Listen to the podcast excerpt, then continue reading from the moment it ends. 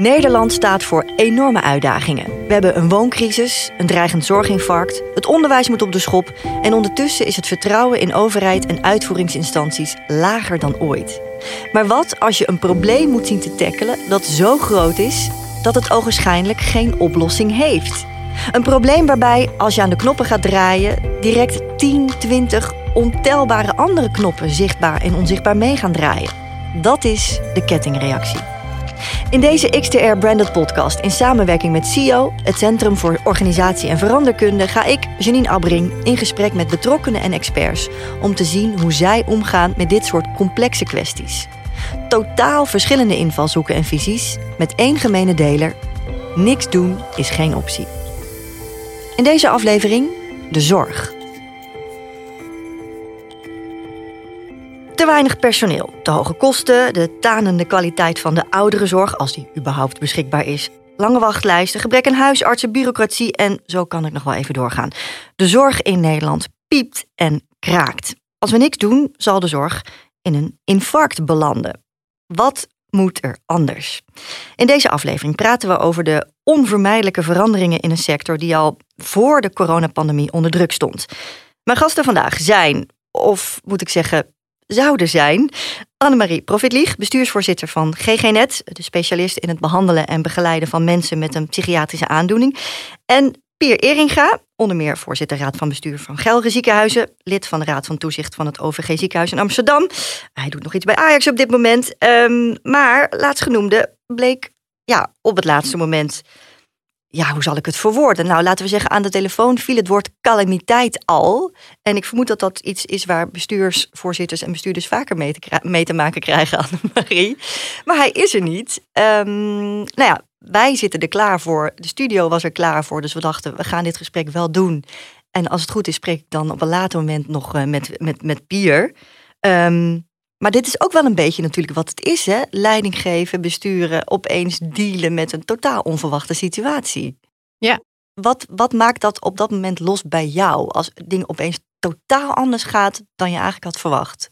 Nou, dat gebeurt ook niet heel vaak. Hè? Dus dat heeft natuurlijk wel heel erg met de dynamiek, denk ik, nu van de ziekenhuizen te maken, waar uh, Pier voorzitter is. Mm. daar is natuurlijk heel veel aan de hand rondom sluiting van afdelingen, eh, protesten van mensen. Eh, dus dan zit je echt wel meer in een crisissituatie. Maar dat is best uitzonderlijk. Het is niet zo dat je voortdurend in crisissituaties zit. Nee. Dus dat het echt ineens helemaal anders gaat, dat is gelukkig niet heel vaak. En eh, ja, als het gebeurt, uh, ja, ik denk altijd geen stress toevoegen als er stress is. Dus vooral heel rustig blijven en overzicht proberen te houden. Dat, dat is toch wel het belangrijkste eigenlijk. Over uh, crisismanagement gesproken. We hebben een klein half uurtje om de problemen in de zorg volledig te tackelen nu, het komende half uur. Lijkt me heel realistisch. Ehm, nou ja, serieus. Laat ik beginnen met de vraag: um, hoe staat de zorg in Nederland ervoor op dit moment, volgens jou? Ja, dat vind ik eigenlijk wel heel grappig. Want iedereen heeft het erover dat de zorg zo slecht is. En ik denk dat de zorg eigenlijk fantastisch is in Nederland. Dus uh, kijk, wij zijn ook een van de gelukkigste bevolking van, van Europa. Hè? De mensen scoren heel hoog op geluk. En misschien komt dat wel juist omdat die zorg zo ontzettend goed is. Um, alleen, ik denk ook dat het zo niet door kan gaan. Hè? Dus we maken mensen ontzettend afhankelijk van de zorg. Voor alles is zorg ook beschikbaar. Mm. Um, ik vind dat we ook het idee van community, het voor elkaar zorgen in het normale leven, echt kwijt zijn geraakt. En je ziet natuurlijk dat de, de bevolking stijgt in Nederland, hè, ook door immigratie. Maar de uh, ja, hulpverleners nemen af. Dus er gaat hoe dan ook. Uh, jij noemde het een, een infarct, hè, een uh, ja, implosie. Dat gaat er zeker gebeuren. Dus we kunnen in ieder geval niet op deze weg door. Dat nee. denk ik. Jij bedoelt, dit gaat zeker gebeuren als er niks verandert, ja. hoop ik toch? Ja. Ja, je hebt meteen eigenlijk, want mijn volgende vraag was, was van goh, welke transformaties uh, ja, liggen er op de horizon? Maar je hebt eigenlijk al drie aangestipt, maar ook vrij snel. Dus laten we ze even een beetje uitpluizen. De eerste die je noemde was, de zorg in, in de huidige vorm kan zo niet doorgaan, want um, er is een behandeling voor alles. Parafraseer ik dat zo goed? Of mensen kunnen ja, dus wat, wat je ziet is dat wij in Nederland, hè, wij hebben de meeste psychiaters op Noorwegen na van Europa. En nog steeds hebben we het gevoel dat we te weinig psychiaters hebben. We hebben heel veel klinische bedden in vergelijking met de landen om ons heen. Nog steeds hebben wij de indruk dat we er te weinig hebben. Mhm. En dat is best bijzonder. Hè? Dus we zien eigenlijk in Nederland dat de, de toestroom naar zorg heel erg hoog is. Ja, ik vind het interessant om ook te kijken wat gebeurt er in de landen om ons heen en waarom is dat daar dan veel minder. En ik denk wel dat wij heel vaak aan de late kant zijn met zorg inzetten. Dus je moet eerst een beschikking hebben of een verwijzing voordat je een betaaltitel hebt om zorg te krijgen. Dus ja, als er nog geen, geen beschikking is, dan mag je eigenlijk nog niet zoveel doen. Als je geen stempeltje hebt. Ja, als je geen stempeltje hebt. En dan zie je eigenlijk al vanaf de lagere school met al die CITO-momentjes in een klas. Dat kinderen al heel snel uitvallen. En daar beginnen de beschikkingen al te komen. Hè. ADHD, dyslexie, eh, ADD, autisme. En ik zeg niet dat het allemaal niet waar is. Maar wij zijn wel steeds op zoek. Niet naar inclusie en het gewone leven. Maar waar wijken we af? En daar, daar is dan heel snel ook een betaaltitel op. En dan gaan we dat behandelen. Hebben we de zorg te specialistisch gemaakt? Ja, veel te specialistisch. Dat denk ik echt. Hmm. Ja, en, en ik denk ook veel te veel in doelgroepen. Dus wij hebben het helemaal, dat komt ook door het financieringssysteem. Maar wij hebben de zorg alsof een mens bestaat uit allemaal losse probleempjes die je uit een mens kan halen en dat probleempje kan gaan zitten behandelen. Fixen. Dat is gewoon niet waar. Hè? Dus een mens is alles in zijn geheel. Zijn talenten, zijn, ook zijn context, zijn familie en ook de problemen die iemand heeft. En ik denk dat die problemen niet eens zo interessant zijn, maar vooral waar loop je nou op vast? En hoe kunnen we nou weer zorgen dat je mee kan doen? Hè? Dus het ene, de ene persoon met ADHD kan prima door het leven en heeft daar heel weinig last van, omdat er een goede context is, een goede omgeving. En de andere loopt volledig vast. Ja, ho- hoe doen we dat dan met elkaar? Nou gaat deze podcast eh, over onder andere ja, de, de, de, de complexiteit hè, van dingen. En Mhm. ook ja, grote thema's, issues. En de zorg in Nederland is natuurlijk, ja, het is een groot gesprek wat we hier proberen te voeren. Maar het gaat er ook om, en dat is ook de titel van deze podcast, de kettingreacties. Natuurlijk is het, als je aan bepaalde knoppen gaat draaien, dat er andere knoppen mee gaan draaien. En dat je eigenlijk niet altijd die gevolgen kunt overzien. Want ik denk ook meteen van, goh, ja, zo'n plan als wat jij vertelt, eigenlijk een meer holistische aanpak Zeker. als ik het zo mag zeggen. Eh, zorgverzekeraars bijvoorbeeld, die hoor ik nu al briesen op de achtergrond. Want ja, hoe gaan die daar? Die hebben het stempel nodig om, om geld te kunnen geven. Ja, nou je hebt echt een punt. Hè? Dus hier zijn we voortdurend ook met de zorgverzekeraars over in gesprek. Die briesen niet, want die willen ook die verandering. Hè? Want ook voor hen, ja, eh, ook we willen dit natuurlijk met z'n allen, kunnen we ook dadelijk ook niet meer betalen, want het, is, het wordt veel te duur. Maar die Dus- gaan altijd wel heel hard op die hokjes, toch? Of is dat ja, mijn- die, dus we zitten echt in een cultuur van eh, verantwoorden en eh, beheersing. Hè? En weinig in een cultuur van vertrouwen. Dus het is helemaal waar in die kettingreactie. Als we dit gaan doen, en dit gaan we doen, hè, want ik denk dat we ook niet meer terug kunnen. En ik vind ook, ook de zorgverzekeraars, maar ja, heel breed zie je dat er echt draagvlak voor is. Dat betekent inderdaad ook dat je anders moet gaan financieren. En misschien dat je ook wel eh, dat hele stoornisgerichte los moet gaan laten. Maar ook dat je dat in doelgroepen denken. Hè, dus dat we alle mensen met een depressie bij elkaar zetten. eh, dat we dat ook helemaal los moeten gaan laten. Ja. En als jij dan zoiets zegt als die stoornisgerichtheid loslaten, dan denk ik, goh, daar zullen misschien de meer oldschool psychiaters ook niet op zitten te wachten. Nee. Schat ik zo in? Nou, voor psychiaters is dit ook ingewikkeld. Ik heb natuurlijk ook wel met veel psychiaters hierover gesproken. En die zeggen, ja, maar Annemarie, ik ben opgeleid om mensen beter te maken. Hè? Dus vrij medische blik. En te kijken, eh, wat gaat helpen op dat probleem. En wij vragen nu niet om dat niet meer te doen, maar toch wel veel geen. Hè, dus dat je basishouding veel generalistischer is. Dat je veel breder naar mens kijkt. Niet alleen het probleem, maar ook zijn er schulden. Is iemand eenzaam? Ehm, ja, Leven zijn ouders beweegt hij genoeg? Ja. Precies. In welke context heeft iemand deze problemen? Hè? Ja, ja. Ja, en dat, eh, dus ik denk niet dat mensen hun professie op moeten gaan geven. En de specialisatie hebben we echt nog wel nodig. Alleen wel vanuit een bredere blik ja veranderen. Ja, veranderen. een hele enge V-woord waar heel veel mensen niet op zitten te wachten. Ja, ik weet het niet. Want ik hoop eigenlijk hè, dat het ook gewoon heel veel professionele ruimte gaat geven. Kijk, wat ik zelf nu zie, is het is allemaal zo geprotocoleerd en zo vast in eh, richtlijnen. Ja, dat, dat, dat is ook heel beperkend. Ja, Hè? Dus weer doen wat nodig is. Ik denk dat daar ook wel eh, iets moois in zit als we dat met elkaar kunnen doen. daar krijgen mensen ook weer energie van. Ja, denk ik. Ja. Nou heeft jouw carrière zich tot nu toe helemaal afgespeeld in die zorgsector, die altijd ongelooflijk in beweging is. Dus jij hebt superveel geleerd over dat sturen, veranderen, leiding geven. Wat denk je is voor een, een leider in zo'n veranderende sector de grootste valkuil? Ik denk inderdaad uh, op beheersing gaan zitten. Um, want dat gaat je gewoon nu niet meer lukken. Hè? Dus dat je alles wil beheersen of overal regie op wil hebben, dat kan niet meer. Dus je, je moet echt wendbaar willen zijn. Um, dus ik denk dat dat wel de grootste valkuil nu is. Alles willen beheersen. Ja, alles willen beheersen. Ja. ja. ja. Je hebt je doel. Je zorgt ervoor dat je mensen meekrijgt. En je weet dat je in dat proces mensen gaat verliezen. Mm Maar daarna natuurlijk, over zoveel jaar, dan is dat plan in werking. Of dan zijn die mechanismen in werking. En dan landt het in de maatschappij. En alle facetten die daar weer bij komen kijken. Uh, externe partijen, stakeholders om het even zo te noemen. Over, over loslaten gesproken. Ja.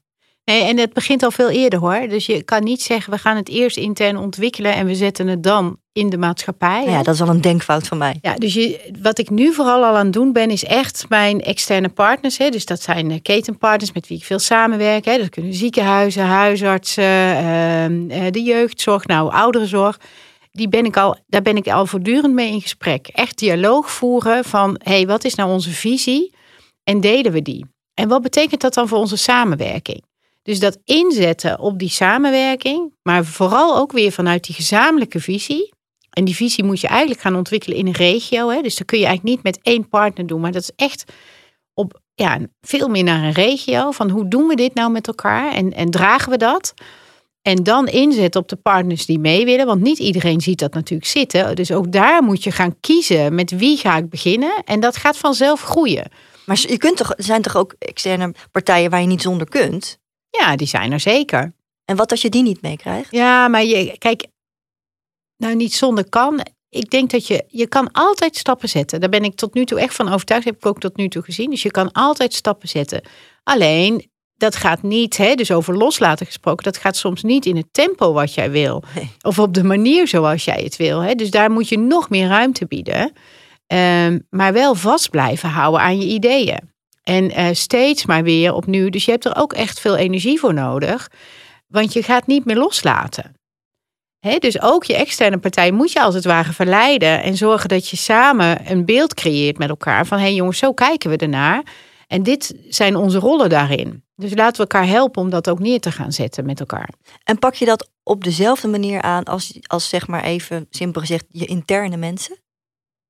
Nee, dat is echt wel anders ook. En in welk opzicht is het anders? nou, je hebt over die externe partij natuurlijk veel minder te zeggen. Hè? Dus je hebt veel minder invloed.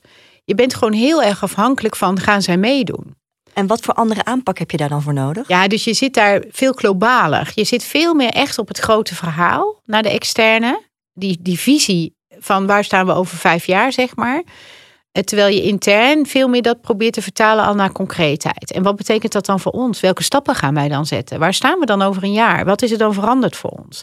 Ja, zo concreet ben ik natuurlijk met mijn ketenpartners. Hè. Ik ga met het ziekenhuis zo'n gesprek natuurlijk niet voeren. Nee. Maar met het ziekenhuis voer ik wel het gesprek van joh, hè, hoe kijk jij nou naar deze samenleving? Hoe kijk je nou naar de burgers in die wijk? En hoe kunnen we dat nou, dat welbevinden vergroten en die afhankelijkheid van de zorg doen afnemen? En als we daarin samenwerken, ja, kunnen we dan meer bereiken? dus ja, ik denk dat je veel meer, je zit echt wel op een ander niveau dan uh, te praten. Ook omdat ik veel minder, ik heb natuurlijk helemaal geen invloed op de medewerkers van het ziekenhuis. Wat voor soort leiderschap is volgens jou nodig voor specifiek deze transformatie, denk jij? Ja, ik denk toch wel echt dat je visie nodig hebt. Je moet echt wel visionair zijn in waar wil ik heen. En ook wel vasthoudend. Hè? Dus je moet dat niet steeds loslaten of steeds een andere kant. Want dan gaan we, ja, dan gaat iedereen wiebelen. Je moet ook flexibel zijn. En je moet flexibel zijn, dat wel. Ehm, ja, en ik denk toch wel vooral faciliterend, verleidend, dat dat de dingen zijn die, die heel erg belangrijk zijn nu. Ja, verleidend, dat vind ik wel een mooie. Ja. Wat zou jij aan Pier willen vragen? Ja, ik ben ook wel benieuwd hoe hij nou naar die balans kijkt. Hè? Van hij is nu best spannende dingen in het ziekenhuis aan het doen. En vanuit de cijfers uh, die er in het ziekenhuis zijn, snap ik dat helemaal. Um, maar inderdaad, hoe kijkt hij naar zijn mensen meenemen? Um, ja, hoe belangrijk vindt hij dat? Daar zou ik wel benieuwd naar zijn. Van goh, word je gedreven door de urgentie die er is? Hè? Want die is er gewoon. Hè? De, en dan ben je eigenlijk genegen om gewoon besluiten te nemen en opdrachten te geven. Ja, doorpakken. Doorpakken. Ehm, en dat moet ook soms gewoon in een crisissituatie. En aan de andere kant weet je dat je zonder draagvlak ook weinig bereikt. Hè? Dus je wil ook die mensen. Daar ben ik benieuwd naar hoe hij dat zou doen.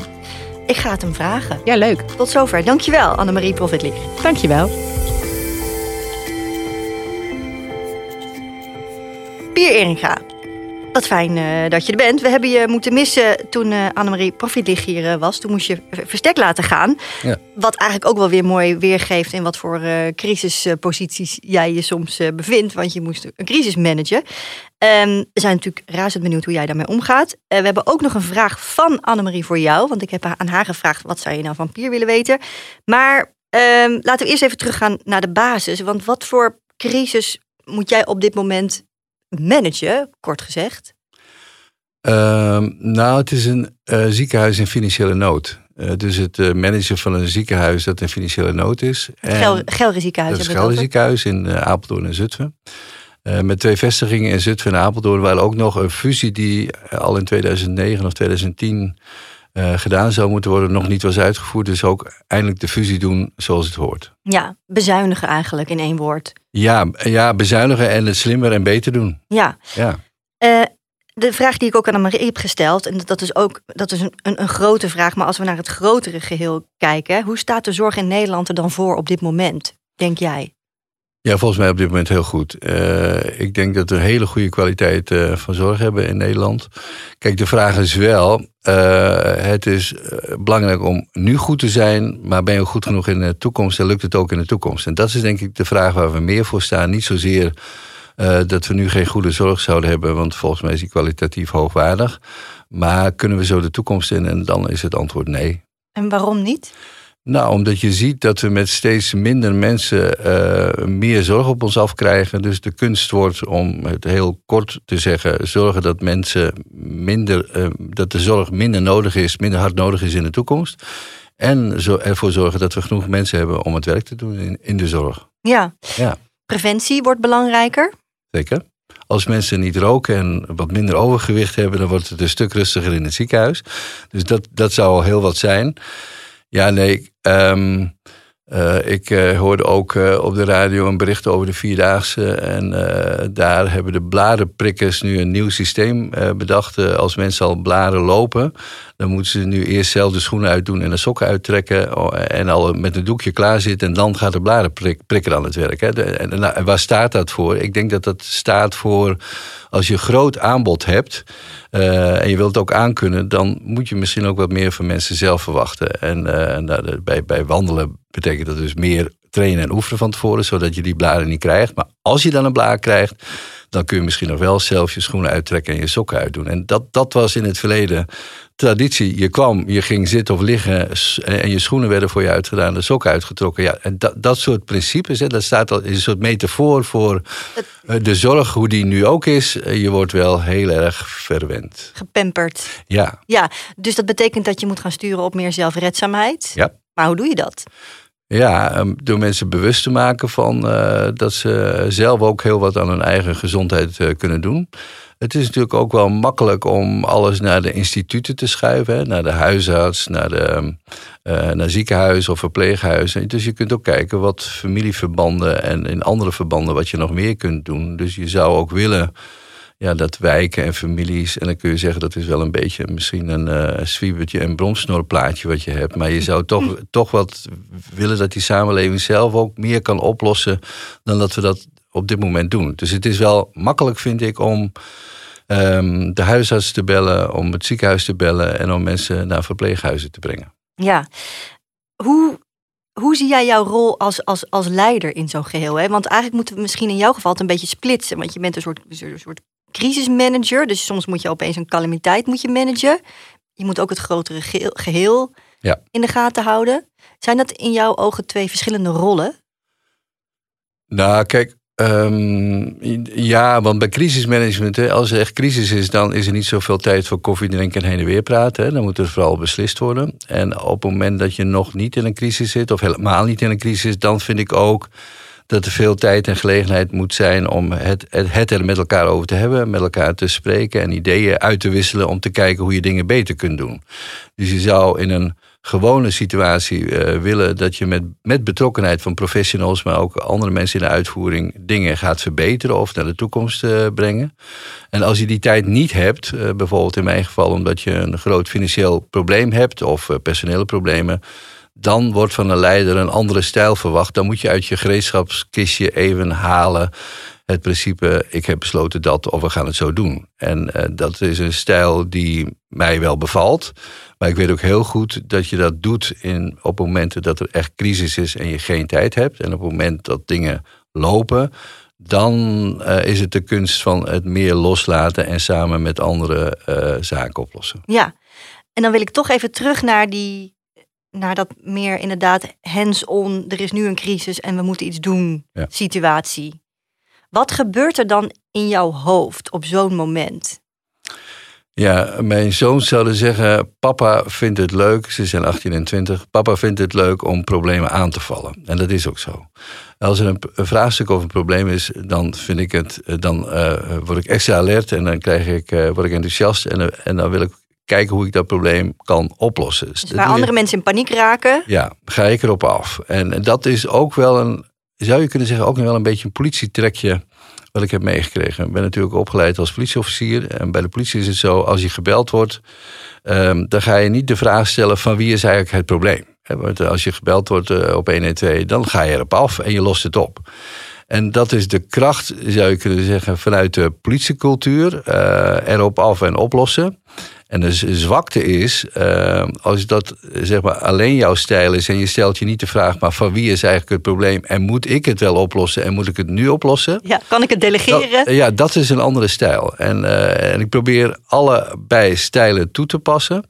Uh, maar als het dus even geen tijd is en het moet meteen worden opgelost, dan ga ik recht op het doel af en dan kijken hoe ik het kan oplossen. Ja, en wat doe je dan? Want ik probeer het concreet te krijgen. Ja. Wat ik dan doe, kijk, het begint met goed kijken wat is er aan de hand. Uh, en wat ik ook doe, is met mensen uh, gesprekken aangaan. Van hoe zien jullie het? Wat is jullie beeld? Hè? In, in, uh, bij de politie crisisopleiding leren we dan het systeem BOP. En BOP wil zeggen, je, je vormt je eerst een beeld van wat is eigenlijk het beeld. Dan uh, heb je daarover een oordeel van hoe beoordeel ik eigenlijk dat beeld. En dan komen we tot een besluit. Uh, dat is de, de, de laatste B. En ook daadwerkelijk een besluit nemen. En, en soms is de Bob-loop een uh, lange loop.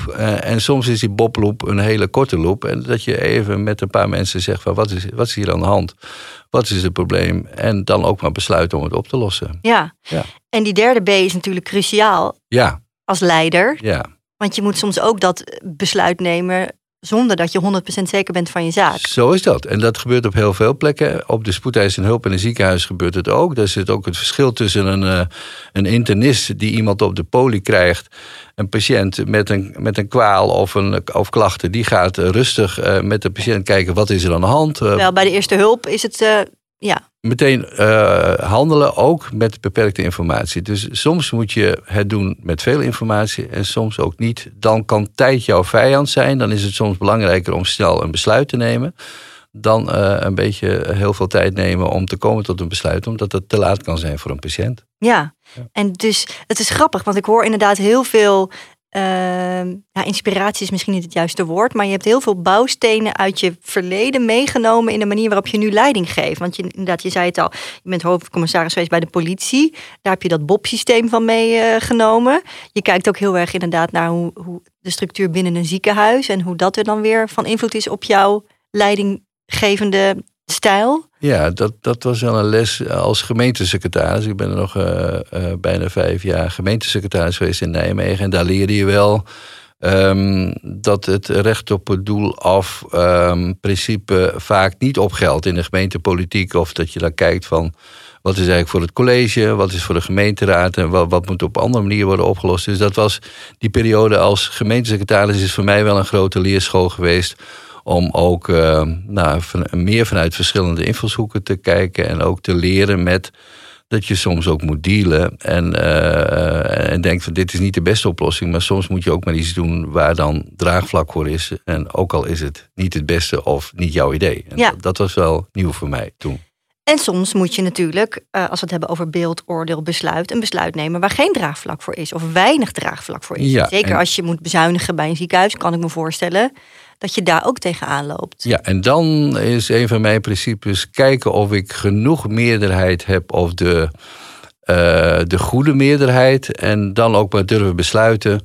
Uh, en niet altijd op consensus sturen. Hè. Dus onze cultuur is natuurlijk ook wel eentje van we willen zo graag consensus. En uh, als je consensus kunt krijgen en je hebt de tijd, vooral doen. Roldermodel. Uh, maar vaak heb je die tijd ook niet. Dat is denk ik ook als mensen nu kijken naar de politiek, waar natuurlijk uh, ook wel uh, een van de problemen was dat je ziet dat er niet besloten wordt. En ik denk dat het nemen van besluiten en het durven nemen van besluiten ook helpt in betrouwbaarheid en vertrouwen van mensen in, uh, in jouw leiding geven of besturen. Ja, want Annemarie Profitlicht die vertelde over haar vorm van leiderschap, of in ieder geval de vorm van leiderschap die zij kiest in complexe situaties. Uh, het woord verleiden is mij daarbij heel erg bijgebleven. Ja. Uh, keuzes maken voordat de neuzen dezelfde kant op staan. Maar dat verleiden, daar heb je dus gewoon niet altijd ook tijd voor. Nee, zo is het. En uh, dus ik kom wel vaak in situaties dat daar die tijd niet voor is.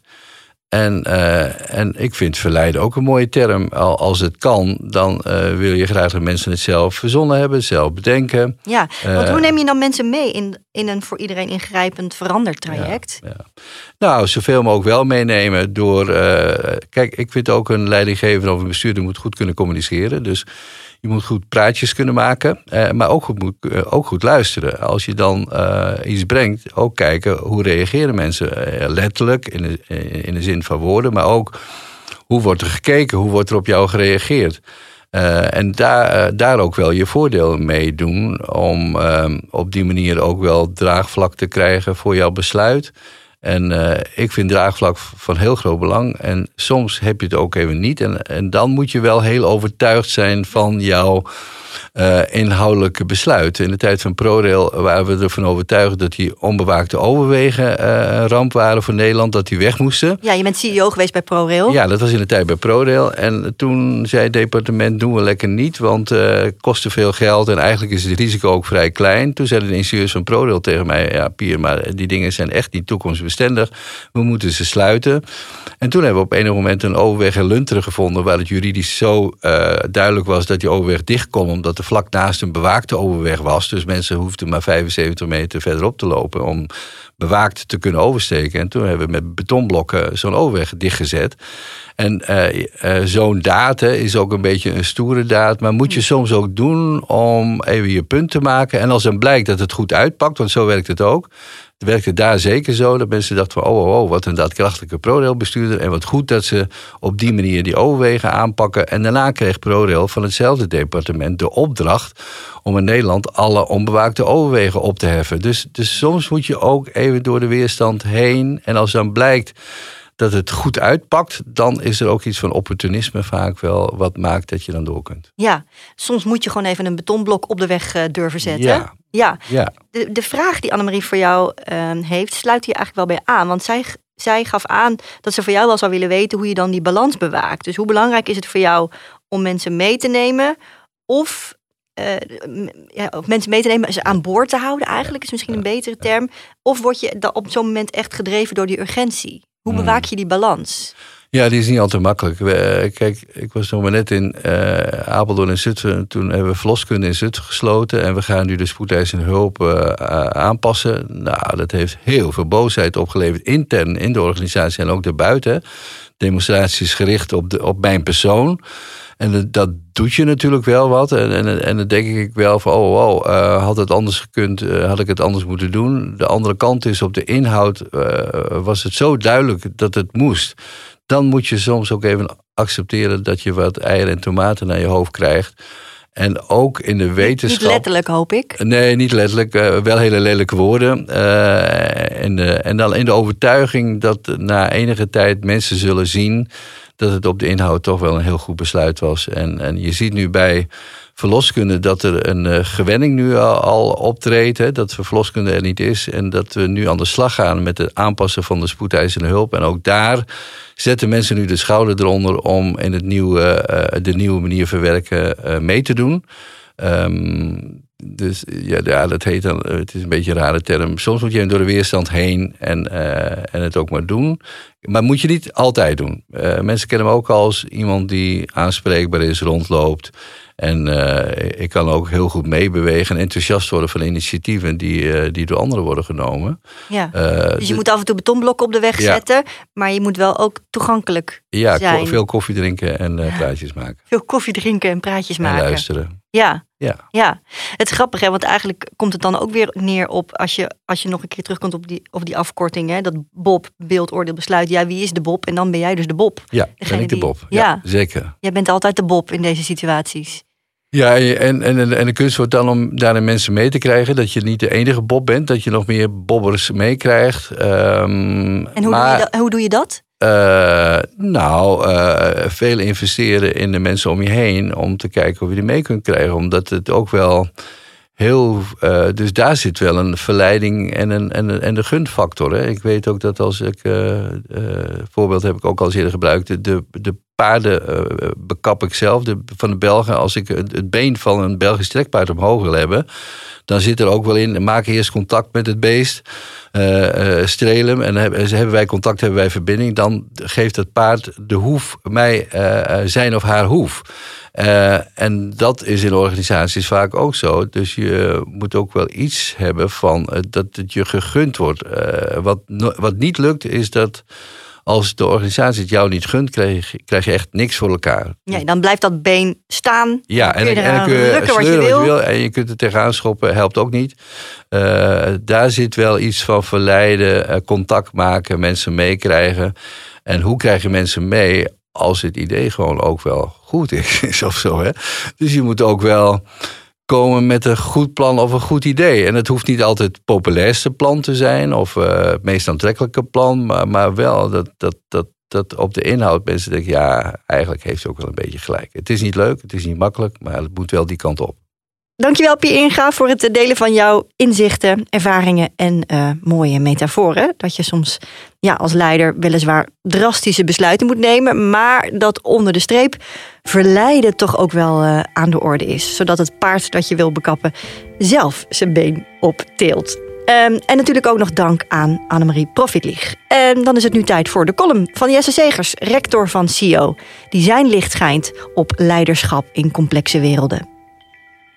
Als we jonge kinderen vragen om leiderschap te tekenen, zullen ze al snel afbeeldingen van autoriteitsfiguren zoals leerkrachten, politieagenten, burgemeesters en ouders op papier zetten.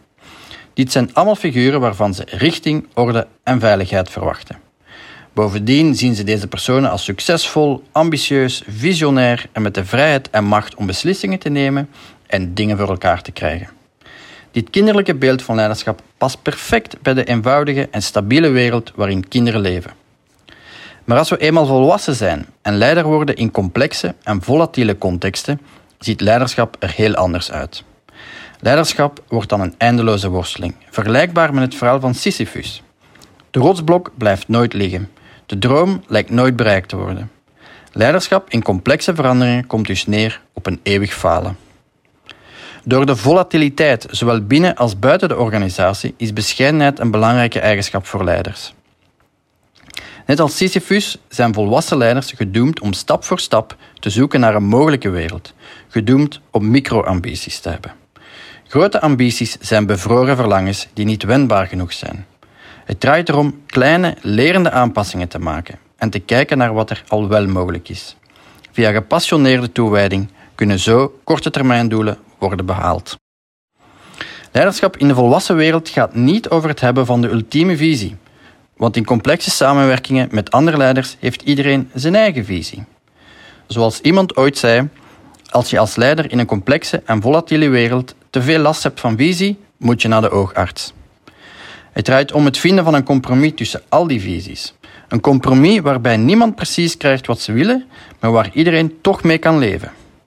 Leiderschap betekent vooral mensen ontgoochelen op het tempo dat ze aankunnen. Leiderschap in complexe werelden is dus eerder het dragen van onmacht dan het tonen van almacht. Het is niet de vrijheid om snelle beslissingen te nemen, zoals vaak wordt gedacht. Hoewel leiderschap persoonlijk is, draait het nooit alleen om de leider zelf. Het gaat om iets groters dan de individuele leider. Vaak wordt een deel van het persoonlijk leven van de leider opgeofferd. En hoe meer verantwoordelijkheid hij op zich neemt en blijft nemen, hoe minder vrijheid hij heeft om zomaar te doen wat hij wil. In het volwassen leven betekent leiderschap een voortdurende strijd, een balans tussen diverse visies en het accepteren van de onmacht die daarbij komt kijken. Het draait om bescheidenheid, het vermogen om te leren en aan te passen, en vooral om het dienen van iets groters dan jezelf. Dankjewel voor het luisteren naar De Kettingreactie, een XTR-branded podcast in samenwerking met CEO. Je vindt alle afleveringen in de NRC Audio-app of in je favoriete podcast-app. En je leest ook meer over CEO op nrc.nl slash brandedcontent slash CEO.